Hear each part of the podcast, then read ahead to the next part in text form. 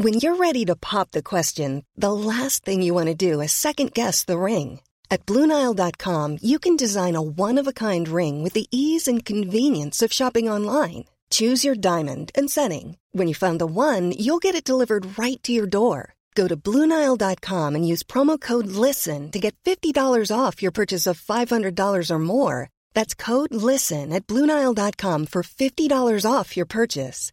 Bluenile.com code LISTEN. Quality sleep is essential. That's why the Sleep Number Smart Bed is designed for your ever evolving sleep needs. Need a bed that's firmer or softer on either side? Helps you sleep at a comfortable temperature? Sleep Number Smart Beds let you individualize your comfort so you sleep better together. JD Power ranks Sleep Number number 1 in customer satisfaction with mattresses purchased in-store. And now, save 50% on the Sleep Number limited edition Smart Bed for a limited time. For JD Power 2023 award information, visit jdpower.com/awards. Only at a Sleep Number store or sleepnumber.com. One size fits all seemed like a good idea for clothes Nice dress. Uh, it's a it's a t-shirt. until you tried it on. Same goes for your healthcare. That's why United Healthcare offers a variety of flexible, budget friendly coverage for medical, vision, dental, and more. So, whether you're between jobs, coming off a parent's plan, or even missed open enrollment, you can find the plan that fits you best. Find out more about United Healthcare coverage at uh1.com. That's uh1.com. Many of us have those stubborn pounds that seem impossible to lose, no matter how good we eat or how hard we work out. My solution is PlushCare. PlushCare is a leading telehealth provider with doctors who are there for you day and night to partner with you in your weight loss journey. They can prescribe FDA-approved weight loss medications like Wagovi and Zepbound for those who qualify.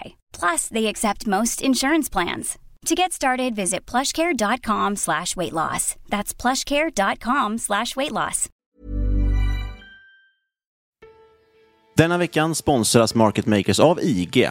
IG är den globala tradingmäklaren där du kan handla index, råvaror och valutor utan courtage på över 17 000 marknader. Genom IG.coms Turbo24 kan du handla turbovaranter direkt på ditt ISK.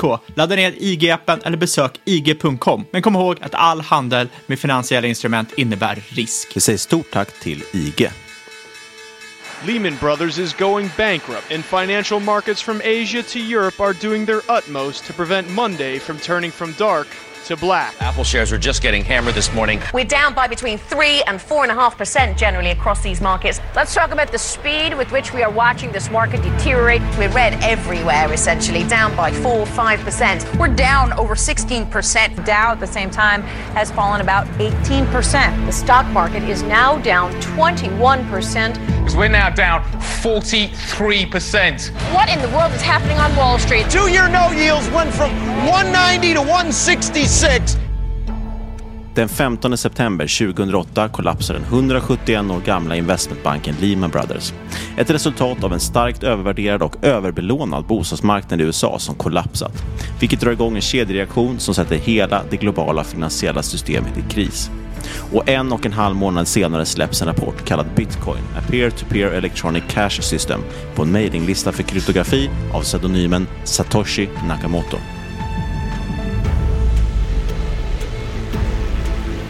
I rapporten så introducerar Nakamoto en översikt för en kryptografisk valuta som kallas bitcoin. Ett decentraliserat alternativ till dagens monetära system. Nu, 13 år senare, har bitcoin nått en högsta kurs på över 60 000 dollar. Och allt fler finansiella institut och företag, från JP Morgan till Mastercard, börjar acceptera och visa intresse för den digitala valutan.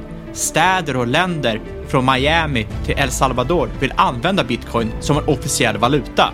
Men hur kunde det bli så här? Varför anser vissa att lite kod kan vara värt så mycket pengar? Och hur kan man ens lita på något som skapats av en anonym person på nätet? Och hur funkar bitcoin egentligen? Allt det och mycket mer ska vi gå igenom i årets sommarserie.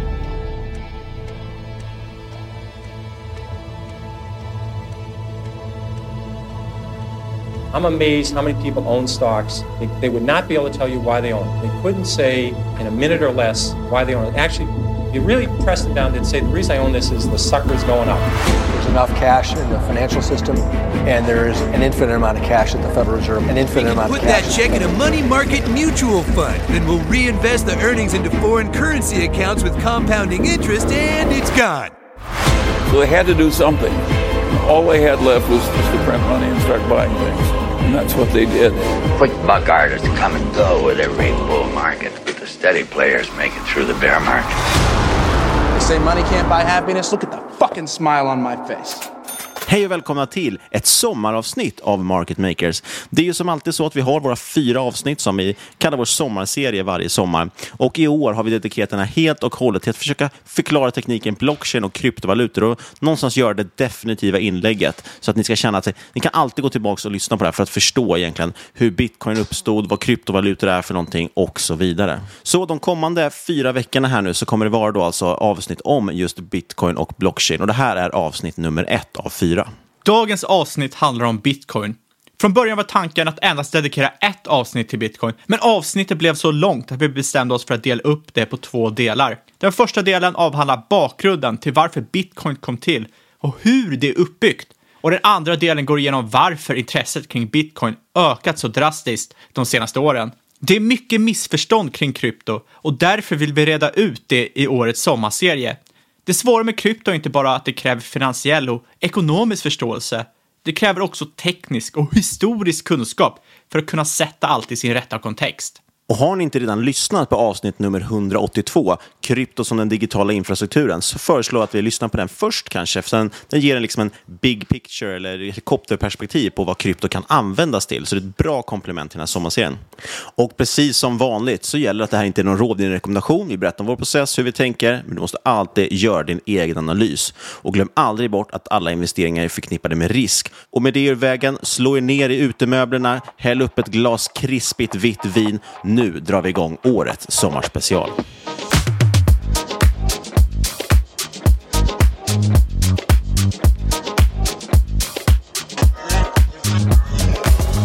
För att förstå bitcoin så behöver vi backa bandet ända tillbaka till internets begynnelse. Den officiella startpunkten för internet är den 1 januari 1983 då kommunikationsprotokollet Transfer Control Protocol, Internet Network Protocol, TCP/IP etablerades. Innan detta fanns inget standardiserat sätt att kommunicera mellan olika datornätverk. Detta var alltså startskottet för det internet vi känner till idag. Ja, och internet var ju från början väldigt decentraliserat. Det var byggt på öppna protokoll som vem som helst med lite teknisk kunskap kunde nyttja och som stora delar av internet faktiskt fortfarande körs som. Som stora delar av internet faktiskt fortfarande körs på också. Man känner kanske igen HTTP, eller HTTPS som man använder idag för hemsidor, SMTP för mejl, SMS för meddelanden och FTP för filöverföring. Och den här perioden i internets historia kallas ofta för webb 1.0. Någon slags förstadie till det internet som vi har idag. Och den här perioden var ungefär mellan 80-talet till början av 2000-talet. Men webb 1.0 hade sina brister. Det var till exempel svårt att fånga upp användardata för att skräddarsy användarupplevelser. Det krävdes också väldigt stor teknisk kunskap för att kunna bygga produkter på webb 1.0. Och framförallt fanns det relativt få protokoll, vilket innebar att många av de här funktionerna vi idag tar för givet inte alls var möjliga. Men framförallt var det nästintill omöjligt att tjäna pengar på de här protokollen. Detta ledde till uppkomsten av webb 2.0, vilket är internet vi känner till idag.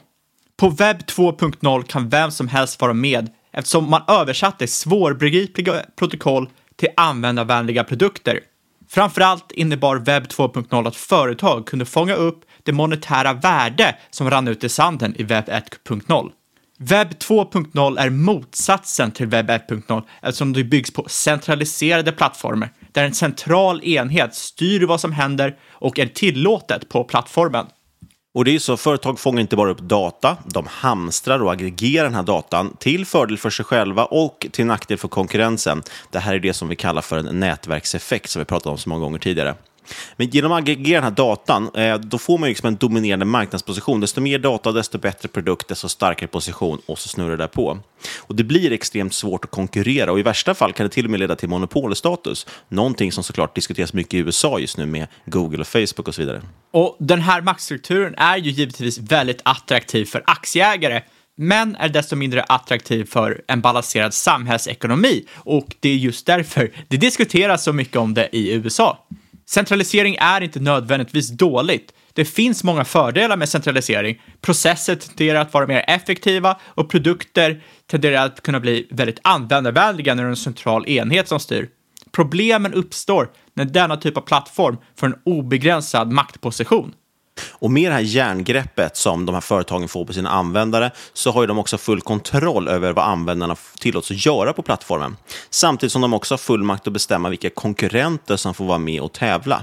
För många leverantörer är nu enda sättet att få sin produkt såld, det är att gå via Amazon och sälja den där, eftersom det är där kunderna finns. Men om Amazon ser att din produkt, oj, den har jättestor efterfrågan, då kan ju de ta fram en egen billig version och sälja till ett till och med kanske artificiellt lågt pris, vilket till slut driver dig till konkurs. Så de är både din vän och din fiende. Och om du skriver något på Twitter och Twitter inte gillar det, ja då kan de bestämma för att du inte får vara med på plattformen längre. Någonting som händer för Donald Trump till exempel. Om du vill skicka pengar till en person eller ett företag som din internetbank inte anser att du bör göra, ja, då kan de hindra dig från att göra det. Så inte bara gör internet det möjligt för många centraliserade plattformar att tjäna en allt större bit av kakan. Deras växande position i ekosystemet innebär att de har makten att bestämma vem som får delta och vad de får göra. Av den här anledningen har det länge funnits en motkultur mot centralisering på internet med målet att bygga ett decentraliserat internet, ett webb 3.0, där mellanhanden, de här aggregatorerna, försvinner och maktdynamiken blir mer jämlik. Det är ett internet där man kan slå ihop idealen från webb 1.0, det vill säga decentraliserad distribution, med användarvänligheten och värdefångandet av webb 2.0. Tankarna kring ett decentraliserat internet har funnits med oss länge. Och som sagt, mycket av internet grundades ju på just de principerna och av människor som brann för de principerna. Hur funkar då ett decentraliserat nätverk? Jo, till exempel finns en teknik som heter peer-to-peer. -peer.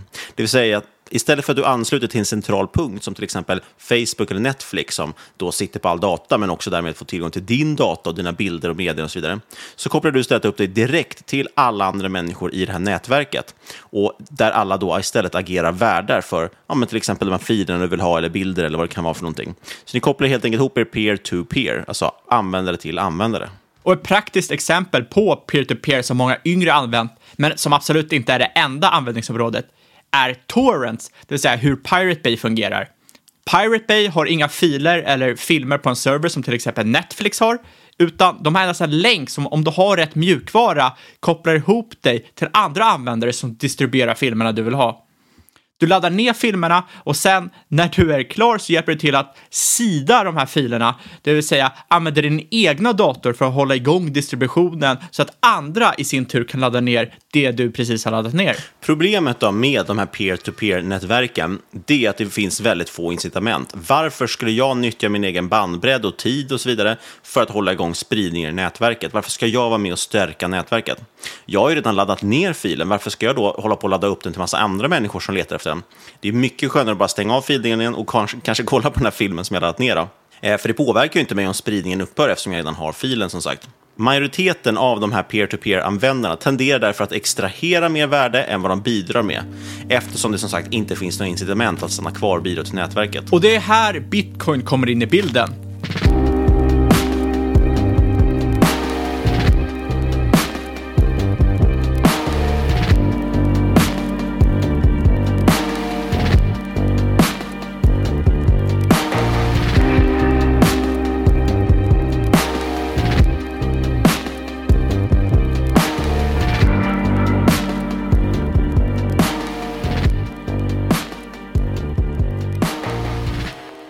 Bitcoin bygger på en teknik som heter blockchain, eller blockkedja på svenska.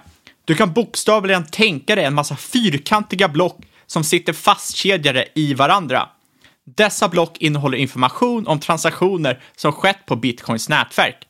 Och Bitcoin är i grund och botten det är bara en huvudbok, en ledger som det heter på engelska, det vill säga en förteckning över transaktioner.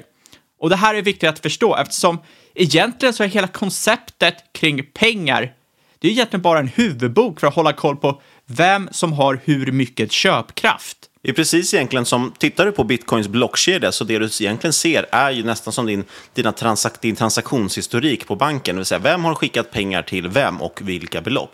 Och när man pratar om kryptovalutan bitcoin, då är det viktigt att förstå att valutan i sig, det är inte någonting fysiskt du kan ta på. Det är bara en representation egentligen av din köpkraft på bitcoin-nätverket. Det är en liten bit kod som säger att Niklas, han har x antal kronor. Ja, exakt som Niklas sa så är det här väldigt likt hur internetbanken fungerar idag. När du loggar in på din internetbank och ska överföra pengar till någon, ja, då kan du inte ta på de pengarna heller. Det är ju bara siffror på en skärm. Och när du överför pengar till någon så minskar de här siffrorna för dig och så ökar de för din mottagare. Du sitter inte och tar på några sedlar eller så, det är bara siffror framför dig. Och det är det här bitcoin är också. Precis, och man kan säga egentligen att det enda som förändras är att i bankens fall, då är det ju banken som är den centrala punkten. Men här har vi ett decentraliserat nätverk där vi gemensamt, alla som är med och har bankkonton, upprätthåller transaktionernas eh, validitet. Det är, bra, det är bra att du tar, tar det där, för jag tycker vi ska gå igenom lite eh, hur en vanlig transaktion fungerar och sätta det så att man kan sätta bitcoin i sin rätta kontext. För jag tror att för att förstå hur bitcoin fungerar så måste man förstå lite hur ett transaktionsnätverk och ett korttransaktion fungerar. När du väl vill köpa en tröja på till exempel H&M och ska betala med kort, ja då finns det ju en direkt lina mellan H&M och din bank. H&M frågar i stort sett banken om du har tillräckligt med pengar på kortet för att betala för den här tröjan. Banken kommer då kolla på sina register, kunna verifiera om du är god för de pengarna och drar sedan den mängden från ditt konto. Banken uppdaterar sedan sina register och tar en avgift för sin tjänst. Det krävs alltså den här oberoende tredjeparten, en mellanhand, för att H&M ska kunna lita på att du faktiskt har pengar på ditt kort. Och då kommer den intressanta frågan som Satoshi Nakamoto egentligen ställde sig. Går det att ta bort den här oberoende mellanhanden, alltså banken, utan att varken du eller H&M ska behöva oroa er för att ni blir lurade av varandra? Och hur kan man i sånt fall göra det? Ett företag skulle ju knappast lita på en enda utomstående person som säger att ja, ja, Niklas han har pengar nog för den här tröjan. Den här personen kanske är min kompis, det kanske är Fabian som de frågar. Eh, Fabian kanske har något incitament att, eh, att ljuga för, för H&M. Men Frågan är om de skulle gå ut och fråga miljontals oberoende människor som alla individuellt kan verifiera att jag har de här pengarna. Skulle de inte då lita på det statistiska underlaget? Man skulle nästan kunna säga att det innebär att man istället för att ha ett centralt register över transaktioner och saldo, likt en bank, skulle alltså behöva göra då miljontals kopior så att alla människor i hela världen simultant har det här registret som uppdateras överallt efter varje transaktion. Så att alla kan validera, validera att det har stämt utan att behöva fråga en central punkt. Och det är egentligen så här man kan säga att bitcoin fungerar. Men istället för att det är en stor grupp människor där alla har ett register och transaktioner så är det ett nätverk med datorer som upprätthåller hela tiden den här transaktionslistan med vem har skickat vad till vem. Med bitcoin så ville Nakamoto nämligen skapa ett system för elektroniska transaktioner som var öppet för alla och där man inte behövde förlita sig på en central enhet. Det är nog självklart för många, men krypto i kryptovaluta kommer från ordet kryptografi. För att inte kunna manipulera bitcoins nätverk används kryptering, vilket är relativt vanligt i dagens digitala värld. Kryptering innebär att man konverterar ett meddelande eller data till en alternativ form som utomstående inte kan läsa av. Sen när mottagaren tagit emot det här krypterade meddelandet kan de dechiffrera det, alltså lösa det krypterade meddelandet tack vare en nyckel, en facit till krypteringen och på så vis läsa det okrypterade meddelandet eller datan. Och ett sätt att eh, kryptera ett meddelande eller en transaktion i bitcoin, det är med någonting som kallas för en hash-funktion. Och det funkar egentligen så att matar du in ett specifikt meddelande genom den här funktionen så kommer du alltid få ut exakt samma krypterade meddelande. Men ändrar du ett enda tecken så kommer det här då krypterade meddelandet, alltså den här koden egentligen, eh, se helt annorlunda ut. Hashfunktionen är också en envägsfunktion, vilket betyder att det krypterade meddelandet du får ut, det kan inte användas för att få fram det okrypterade meddelandet. Alltså du stoppar in text och det som spottas ut på andra sidan är totalt obegripligt. Man kan tänka sig kanske en eh, köttkvarn. Du matar in en bit högrev och ut får du köttfärs. Det är en ganska förståelig väg hur man gör det, hur man maler ner högrevet till köttfärs. Men du kan inte sätta ihop köttfärsen så den ser ut som en högrevsbit igen. Kvarnen går inte att vända på, så det är en envägsfunktion. Men tänk dig nu att du aldrig sett köttfärs i hela ditt liv. Hur ska du då veta vad den här köttfärsen är gjord av? Du kan ju testa att mata in kyckling, en badboll, en snusdosa och då kommer du få ut någonting som inte alls ser ut som den här köttfärsen du fick från högreven. Till sist matar du in högrev, då får du någonting som ser exakt ut som köttfärsen. Och pang, du har helt plötsligt lagt ihop ett och ett och insett att det är i grund och botten så här eh, meddelandet ska se ut, eller det är det här det kommer ifrån. Och det är egentligen lite så en hashfunktion funkar. Exakt, om du stoppar in ett identiskt meddelande i en hashfunktion så kommer det krypterade meddelandet, eller mer korrekt benämnt hashen, alltid vara identisk. Om du då har testat dig fram och fått ut en hash som är identisk med det hashet du mottagit, så kan du vara säker på att du löst krypteringen. Om du får den här köttfärsen att se ut exakt som den andra köttfärsen, ja, då vet du att det är högreven som är det, det rätta att stoppa in. Är något det minsta annorlunda då i det ingående meddelandet så kommer hashen vara helt annorlunda. Om du stoppar in en annan typ av köttbit så kommer ju såklart köttfärsen se väldigt, väldigt annorlunda. Kycklingfärs är trots allt väldigt annorlunda från köttfärs. Och hash-funktionerna som vi pratar om, det är liksom grunden till blockchain och kryptovalutor. Eh, men hashfunktioner är inte något som endast finns inom blockchain och kryptovalutor. Det här används varje dag över hela världen för digitala signaturer, autentisering. När du skickar meddelanden i WhatsApp så är det olika typer av krypterade meddelanden. Och kryptografi i sig, det är inte särskilt intuitivt. Det kan ibland vara lite svårt att sätta sig in i, men det är extremt effektivt. Och ett litet tips här, vill man veta mer om kryptografi och hur det utvecklats över tid kan vi starkt rekommendera boken The Code Book, The Science of Secrecy from Ancient Egypt to Quantum Cryptography, som vi kommer såklart länka i avsnittbeskrivningen. Och den här boken den kom ut 1999, så det är alltså långt innan blockchain finns. Och det är inte så konstigt, kryptografi är ingenting egentligen särskilt nytt. Koncepten kring det är precis detsamma idag som igår. För att kunna skicka bitcoin till någon annan måste du ha en wallet, det vill säga en digital plånbok. En wallet har en så kallad public key, vilket liknar ett bankkontonummer som andra skriver in när de vill skicka bitcoin till dig. Du har också en så kallad private key, som är din hemliga identikator, ett, nästan som ett hemligt lösenord som bara du bör känna till. När du skickar en bitcoin från din wallet så kommer data genereras som är matematiskt relaterad till dig och den du ska skicka bitcoinen till samt lite mer data som kanske inte riktigt är värt att gå in på just nu, men som är centralt för krypteringen. Den här datan är för alltid kopplad till den här bitcoinen du har skickat och på så sätt så skapas ett register över alla tidigare ägare. Varje bitcoin är alltså en kedja av digitala signaturer. Men det här är såklart inte öppet för alla att se. Det är krypterat via hashning. Och när du skickar din transaktion, då meddelas hela bitcoin-nätverket om den här transaktionen och den hamnar då i en pott egentligen av overifierade transaktioner som nu ska matas in i den här köttkvarnen och verifieras. Eh, din transaktion måste alltså verifieras innan den går igenom. Precis som att H&M måste kolla med banken för att se om du faktiskt har pengar på kortet, så måste nu alla de här tusentals datorerna bekräfta att ja, Niklas har de här pengarna och nu noterar vi här att han skickar över dem till H&M. Bitcoin är ju som sagt ett peer-to-peer-nätverk med en mängd uppkopplade datorer som håller det här nätverket vid liv. Och det här refereras ofta till som noder i nätverket, så vi kommer återkomma till det ordet.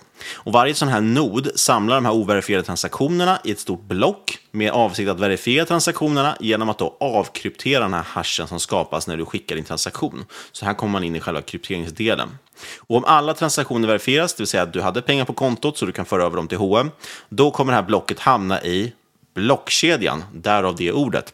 Och blockkedjan det är alltså en kedja med block där alla transaktioner ligger lagrade. Det är alltså det officiella registret över alla transaktioner som sker på nätverket. Och det här är som sagt motsvarigheten då till att pengarna dras från ditt kort och skickas över till H&M och bankerna då pratar med varandra ifall vi har olika banker och verifierar och skriver det att okej, okay, nu har de här pengarna skickats med de här två kontona.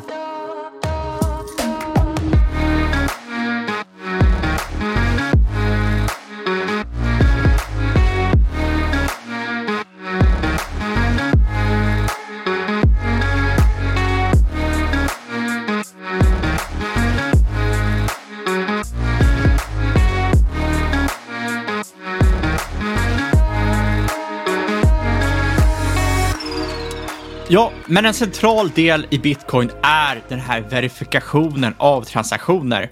Och för att verifiera transaktionerna som har samlats i det här blocket så används en kryptografisk metod som heter proof of work, som är baserat på konceptet zero knowledge proof. Och zero knowledge proof är ett sätt att autentisera utan att behöva dela ett lösenord, vilket har fördelen att lösenordet aldrig kan bli snott.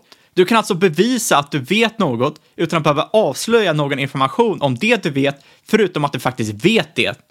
Och kommunikationen är alltså säker och skyddad eftersom två parter kan kommunicera utan att behöva säga något rakt ut. Och vi ska förstås förklara det här, men först kan man också fråga sig varför man skulle vilja göra det här. Ja, till exempel om man skulle vilja verifiera någon information utan att nödvändigtvis behöva lita på den andra parten med den här känsliga informationen. Och för att dra ett exempel på hur det här kan funka.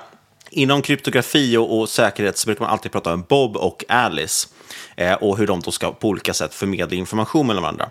Så vi ska inte vara sämre än så. Bob och Alice vill veta om de har lika mycket godis som varandra utan att faktiskt behöva säga hur många godisar de själva har.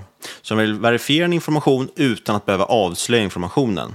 Så säg att de antingen har 10, 20, 30 eller 40 bitar godis. Då ställer Bob upp fyra stycken spargrisar och märker de här med samma siffror. 10, 20, 30 eller 40. Han låser samtliga spargrisar med nyckel och slänger sedan alla nycklar förutom till den spargrisen som stämmer överens med antalet godisar han själv har, det vill säga 20 stycken. Sen kom Alice dit och hon stoppar in en liten peng i den spargris som har samma nummer som hon har godisar. Och låt säga att hon också har 20 stycken, så hon har lagt i en peng i den spargrisen som Bob faktiskt har kvar en nyckel till. Så när Bob kommer tillbaka då öppnar han ju spargrisen han fortfarande nyckel till, den som säger 20 godisar, och ser att oj, Alice har lagt i en pengen här. Det betyder att Bob och Alice har samma mängd godis, de har båda 20 godisar. Hade det inte legat någon peng i den där spargrisen, då hade han ju vetat att okej, okay, vi har inte samma mängd godisar, men jag vet inte hur många Alice har och Alice vet inte hur många Bob har. Så sätt att verifiera att ja, vi har samma information, men om det inte hade stämt så hade vi inte kunnat se den exakta informationen och tagit ut den här känsliga informationen. Om vi nu istället lyfter över det här konceptet till publikt krypterad data, alltså likt det som skickas ut i bitcoin-nätverket när du skickar din transaktion, där kanske någon vill bevisa att ja, jag känner till den okrypterade datan, men jag vill inte visa den okrypterade datan. Då kan jag i sånt fall visa bara att jag fick samma resultat av min hashkryptering som du fick. Så vi har samma resultat, vi har båda stoppat in i samma spargris, men vi avslöjar inte för någon annan vad det stod på den spargrisen eller vad vi faktiskt hade för information. Och det här är förstås väldigt användbart för att verifiera transaktioner på ett väldigt säkert sätt. Och det är precis det som händer då på Bitcoin-nätverket, om än något mer komplext i verkligheten. Eh, när en transaktion valideras på det sättet, då kallas det för proof of work. Men de som validerar transaktionen, miners som de också kallas, ska inte bevisa att de kan all din hemliga data, utan bara en specifik del, en slumpmässig sträng med siffror, en så kallad nons, number only used once. Ja, vi sa ju tidigare att i den här transaktionen så lagras det ju lite mer data än bara just transaktionen. En av de här extra sakerna som lagras för att hålla koll på det här är den här nonsen då som den kallas. Och vi bör nog poängtera att i bitcoin-nätverket så är minern, bitcoin miner som det säkert har talas om, och noden i nätverket, det är ju samma sak egentligen. En nod är ju bara ett mer generellt namn för alla punkter som finns i ett nätverk och en miner är ett mer specifikt namn för det som används i just blockchain och den här verifikationsmetoden, proof of work, som vi pratar om. Att hitta och bevisa att man vet den här nonsen är en väldigt matematiskt komplex uppgift. Det kräver att datorer sitter och tuggar igenom nästan till oändlig mängd siffror för att hitta lösningen. Men när minern väl löst detta för transaktioner, de samlat ihop ett block och alla transaktioner kan verifieras, så meddelas hela bitcoin-nätverket och blocket adderas till blockkedjan. Transaktioner har gått igenom och din bitcoin har blivit skickad. Och hela den här processen gör att det är extremt svårt att fuska och skapa falska transaktioner på nätverket för pengar man faktiskt inte har. Och att den här metoden heter proof of work, det är helt enkelt för att man måste ge bevis, eller ett proof då, på en väldigt specifik uppgift som kräver mycket arbete och resurser att nå fram till. Alltså work, proof of work, bevis på arbete. Det som är lite magiskt med den här metoden är att den är extremt svårt att få fram rätt svar, men också extremt enkelt att validera att svaret är rätt. Det är precis samma sak som när du lägger ett 1000 bitars pussel eller 10 000 bitars pussel. Det, går, det är väldigt svårt och arbetskrävande att sätta ihop det, men när du väl fått ihop alla bitar, då ser du ju väldigt tydligt att du har satt ihop dem rätt. Eller tänk dig att du har ett hänglås och ska gissa rätt låskombination. Att gissa låskombinationen, ja det är otroligt svårt, men så fort du har fått in rätt låskombination, ja då öppnar ju sig låset, så det är väldigt lätt att verifiera att du har matat in rätt kod. Men varför sitter folk, eller rättare sagt datorer, och verifierar de här transaktionerna? Jo, för att bitcoin har löst det här peer-to-peer-problemet. De har ett inbyggt incitament. Att sitta och lösa de här komplexa matematiska uppgifterna kräver mycket processorkraft, vilket är väldigt kostsamt. För att locka in människor att lägga tid och pengar på att verifiera transaktioner belönas de med helt nya bitcoin och en eventuell transaktionsavgift om de är först att verifiera ett block. Det är nämligen så att bitcoins protokoll så står det att nya bitcoin skapas upp till en maximal mängd på 21 miljoner bitcoin för varje block som läggs till på blockkedjan. Den här mängden är dock avtagande och halveras vart fjärde år. Vid bitcoins begynnelse fick man 50 bitcoin per block och idag ligger det på 6,25 bitcoin. Den sista bitcoinen förväntas minas år 2140, alltså om nästan 120 år. Och den här halveringen, det är någonting det oftast pratas om, för ofta i samband med den så har ju bitcoinpriset gått upp väldigt mycket, så det brukar ofta twittras och skrivas en hel del om det. När den nya bitcoin minas fram dock, så är det inte så att de bara trollas fram från ingenstans. Det finns ju alltid den här kedjan av vilka som har gjort vilka transaktioner. Eh, det betyder också att det kommer ske när en bitcoin kom till och alla bitcoin är spårbara. Man kan faktiskt se hela den här verifikationsprocessen lite som att man gräver guld. Men istället för att använda hackor och spadar så används datorer som går på högvarv för att lösa matematiska ekvationer. Slår man rätt, alltså träffar på rätt ställe i jorden med sin hacka, ja, då blir man belönad med en fet guldklimp, eller bitcoin i det här fallet. Och det här är också varför det kallas för just mining. Men likt alla tävlingar eller lotterier med en fet jackpot, ja, då kommer det locka in allt fler som vinner det stora priset. Och i det här fallet är det bitcoin. Det krävs processorkraft för att lösa de matematiska problemen och mer processorkraft innebär fler beräkningar på kortare tid. Det här kallas hashing power och med allt högre hashing power i nätverket som försöker lösa de matematiska problemen så kommer de tveklöst börja lösa snabbare och snabbare. Och därför har bitcoin faktiskt en justerbar svårighetsgrad. Bitcoin-protokollet har som mål att endast addera sex block i timmen, det vill säga ett ungefär var tionde minut. För att hålla i det här så justeras svårighetsgraden automatiskt upp eller ner beroende på hur snabbt block adderas till nätverket. Var 2016 block, alltså ungefär varannan vecka, så mäter nätverket hur lång tid det har tagit att lösa problemen och justerar längden på hashet som behöver knäckas för att lösa problemet och därmed svårigheten för att mina ett block. Men det här betyder ju också att en dag kommer alla bitcoin ha minats och nya bitcoin kommer inte kunna skapas. Försvinner då inte incitamentet när det inte finns några nya bitcoins att ge till de här minerserna? Nej, för bitcoin har också förstås möjlighet till transaktionsavgifter. Ett block på bitcoin rymmer en särskild mängd data. Det är det man refererar till när man pratar om det här blocket i blockkedjan. Det är egentligen hur många transaktioner man kan verifiera i en sån här körning eller ett sånt här block. Men ofta är det inte så stor efterfrågan på att skicka bitcoin på nätverket, vilket betyder att det blir en lång kö av folk som vill verifiera sina transaktioner. Och genom att då betala lite extra i sin transaktionsavgift, man lägger på en liten, liten dricks där på slutet, ja då kanske man kan hoppa före i kön och bli verifierad tidigare. Så ett block kan ju trots allt bara adderas till kedjan var tionde minut och antalet transaktioner som kan ingå är begränsade. Så desto mer du betalar, desto högre upp kommer du prioriteras i den här listan och bli verifierad snabbare. Man har alltså stoppat in lite kapitalism i det här peer-to-peer-nätverket för att lösa decentraliseringen. Och ju närmare man kommer till den här sista bitcoinen som ska minas, desto mer kommer nätverket att använda transaktionsavgifter för att validera transaktioner och därmed hålla incitamenten och nätverket i liv. I dagens avsnitt har vi pratat om internets historia och utveckling, peer-to-peer-nätverk och hur bitcoin lyckats skapa ett väldigt säkert decentraliserat transaktionsnätverk genom att lösa peer-to-peer-nätverkets största problem. I nästa avsnitt kommer vi prata om historien bakom digitala valutor och cypherpunk-scenen, varför bitcoin är så säker och varför så många har tillit till nätverket, samt varför många sätter ett så stort värde på bitcoin.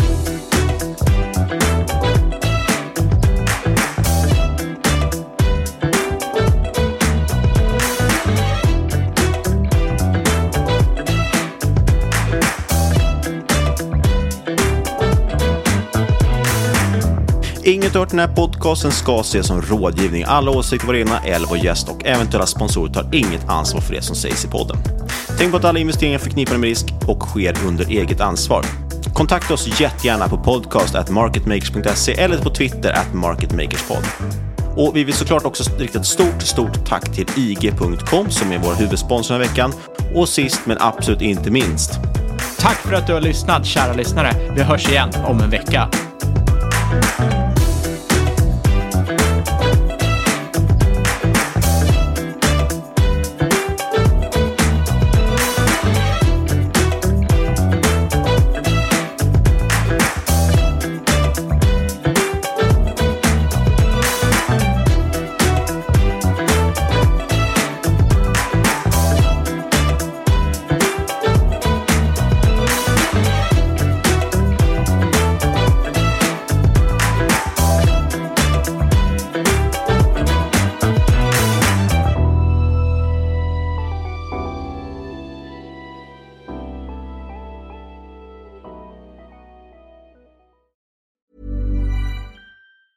Hey, it's Ryan Reynolds, and I'm here with Keith, co star of my upcoming film, If, only in theaters, May 17th. Do you want to tell people the big news?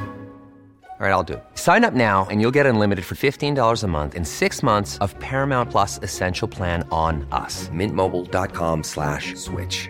Upfront payment of $45 equivalent to $15 per month. Unlimited over 40 gigabytes per month. Face lower speeds. Videos at 480p. Active Mint customers by 531.24 get six months of Paramount Plus Essential Plan. Auto renews after six months. Offer ends May 31st, 2024. Separate Paramount Plus registration required. Terms and conditions apply if rated PG. I'm Sandra, and I'm just the professional your small business was looking for. But you didn't hire me because you didn't use LinkedIn jobs. LinkedIn has professionals you can't find anywhere else, including those who aren't actively looking for a new job but might be open to the perfect role, like me.